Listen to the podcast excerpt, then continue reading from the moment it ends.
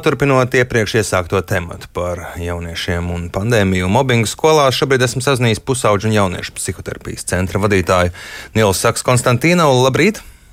Labrīt! Jā, pirms brīža dzirdējām stāstu, kur Latvijas skolu psihologu pārstāvs stāsta par Covid-19 jautājumos balstītu mobbingu. Aptaujāto skolu vadība saka, nē, nē, pie viņiem gan nekas tāds nenotiek. Kāda ir jūsu pieredze strādājot ar pusauģiem, jauniešiem? Vardarbība, nežēlība pandēmijas dēļ ir mainījusies? Mm. Jā, patiesībā mēs redzam diezgan liels izmaiņas. Tas ir līdzīgi kā ar visām tām lietām, ko mēs saucam par mentālās veselības grūtībām. Da, tas, kā izpaužās stress bērniem un pusauģiem, tas bieži ir saistīts ar viņu emocijām arī ar uzvedību. Un, un viena no lietām, kā šī stresa uzvedība izpaužās, ir caur agresīvu uzvedību, to, to starp ar mobbingu, kas Latvijā, starp citu, ir bijusi diezgan liela problēma um, arī pirms Covid pandēmijas. Un es domāju, ka mēs jau pagaidām tikai redzēsim, kā tas, eh, kā tas viss būs ietekmējis. Uh, nu, ilgtermiņā tas ir tāds, bet tie, tiešām var redzēt to, ka pieaug divas lietas. Viens ir tas, ko vecāki redz mājās, proti, uh, ja ir brāļi un māsas, tad pieaug agresīva uzvedība starp viņiem. Tā ir diezgan plaši izplatīta un novērojama lietas šobrīd. Un otrs, protams, skolās ar pašiem vienaudžiem. Tas ir tas, par ko jaunieši paši runā, proti, ka Eh, attiecības viņu starpā pasliktinās, tas nevienmēr tieši agresīvā veidā, bet, mm, teiksim, strīdi un vispār nespēja komunicēt savā starpā šobrīd ir diezgan plaši izplatīta tēma. Mēs nu pat no savu, mēs ar centru vadam tādas pirmās psiholoģiskās palīdzības apmācības skolās. Un šī ir viena lieta, par ko paši jaunieši visvairāk sūdzas. Protams, viņiem ir grūti atsākt draudzēties, vai arī tās draudzības ir, nu, pilnas ar dažādu veidu viens agresīvi, bet otrs ar izolāciju, ar izolēšanos. Un, un, un droši vien saistīts arī ar to, ka jaunieši ir zaudējuši tādas spējas. Uh, draudzēties un socializēties pa šo laiku. Restīvi ierobežotās socializēšanās iespējas neļauj apgūt šīs prasmes, un pēc tam ir grūtības. Jā, tieši tā. Bet uh, otrs, protams, ir taisnība, ka tas lielā mērā ir saistīts ar pašu pieaugušo uh, un, un ģimenes ietekmi, jo, piemēram, no pētījumiem, es, ja, mēs, mēs redzam, ka uh, tajās ģimenēs, kur uh, pieaugušie, piemēram, vairāk baidās uh, par, par Covid, vai kur tajās ģimenēs, kur, kas ir vairāk cietušas Covid pandēmijas saistībā, tajās arī krietni augstāks gan bērnu, gan pusauģu agresija. Nu, tā, protams, ir šī dusmu izpausme. Un, vēl viena lieta, ko mēs novērojam centrā, piemēram, ir tas, ka pusauģis runāts arī uh, skolotāju agresīva, protams, ir pieaugusi. Un tas arī ir saprotams, ja paši skolotāji uh, jūtās, uh, nu, varbūt savā ziņā mm, arī nevienmēr pilnībā droši, un tad šī agresīva uzvedības spoguļojas abos veidos, viens no pieaugušajiem uz bērniem un jauniešiem, un pēc tam viņu starpā. Jā, jūs arī nu pat dzirdējāt šo ierakstu, ko dzirdēja arī radio klausītāji. Man klausoties, kā divu pusauģu vecākam, radās sajūta, ka um, iespējams skolu vadība neredz vai varbūt negrib redzēt šādas problēmas, jo tās ir ārkārtīgi grūti risināt. Tā ir. Um. Tā, protams, par, par, par konkrētām skolām ir vienmēr grūti runāt, tāpēc, ka skaidrs, ka ne visur būs problēmas un būs skolas, kas, kas tiek ar to uh, galā labāk, bet ja mēs skatāmies kopumā, tad tomēr uh, mēs redzam, ka šīs grūtības ir praktiski visur, un šobrīd praktiski visur Eiropā un Amerikas Savienotajās valstīs, tā mēs redzam uh, diezgan liels situācijas pasliktināšanos eh, skolēniem un jauniešiem, un tad saistībā ar šīm mobbingu uzvedībām. Nu, tad visticamāk mēs varam prognozēt, ka, ka tādas grūtības ir arī Latvijas skolās.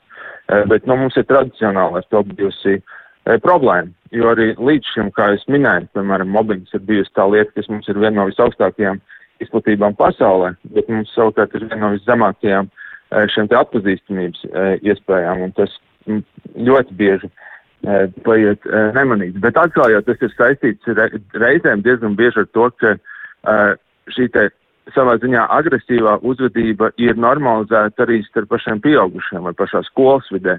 Un tādā ziņā es ne īsti varu piekrist varbūt kolēģiem, kas minēja, ka skolas vadība ir jāiesaista tikai tur mm, pēdējā vai augstākajā instancē, jo uh, pētījums rāda, ka patiesībā tas darbojas tieši otrādi ka skolas vadība ir tā, kas tas pirmais solis, kas vispār nosaka, kāda tajā skolā būs vide vai atmosfēra, un, un tieši ar skolas vadības iesaist vajadzētu sākt jebkurā gadījumā. Kas tad būtu tie mm, nu, risinājumi šīm problēmām? Plašākas zināšanas, izpratne par šo tēmu, tā pašā skolu vadībā, vecākiem, vai, vai ko vēl var darīt sabiedrība kopumā? Es domāju, ka šobrīd tas jautājums ir tiešām viens par to, kā tikt galā ar, ar, ar ar aktuālo situāciju, to, kas saistās ar, ar Covid. Un tā ir taisnība, ka direktors minēja, ka visi sāk no tā nogurst, bet uh, no paša temata, bet tas galīgi nenozīmē to, ka tās sēkas kaut kā mazinās. Un viena ātrā lieta, ko noteikti varētu darīt, būtu, mēs redzam, ka tas ir agresija un, un šī visa veida problēmas ir cieši saistīts ar bailēm. Un, tā ir cieši saistīts ar, ar, ar neziņu un trauksmi. Un līdz ar to viena laba lieta būtu, nu, tomēr sākt domāt, cik daudz informācijas un kādu, kādu veidu informāciju nu, mēs dodam gan, gan, gan bērniem, gan jauniešiem, un, un tas ir tas, kā nu, mēs viņiem varbūt skaidrojam tos lietas, kas notiek. Bet otra lieta, protams, nu, es domāju, ka jo vecāki, un tos arī skolotāji, un, un visi bērnu audzināšanā iesaistītie, vairāk sapratīs nu, tam ko īsti mobbings nodara un cik patiesībā tā ir nu, milzīga lieta un milzīga problēma. Un tas ietekmē visu to, kā bērns mācīsies, kā viņš jutīsies, kā viņš, uh, cik veiksmīgi viņš pieaugs, kādas būs viņa darba iespējas. Jo mēs vairāk sapratīsim, cik patiesībā tas to, to, to ietekmi nodara, jo mēs arī tam vairāk varēsim pievērst uzmanību.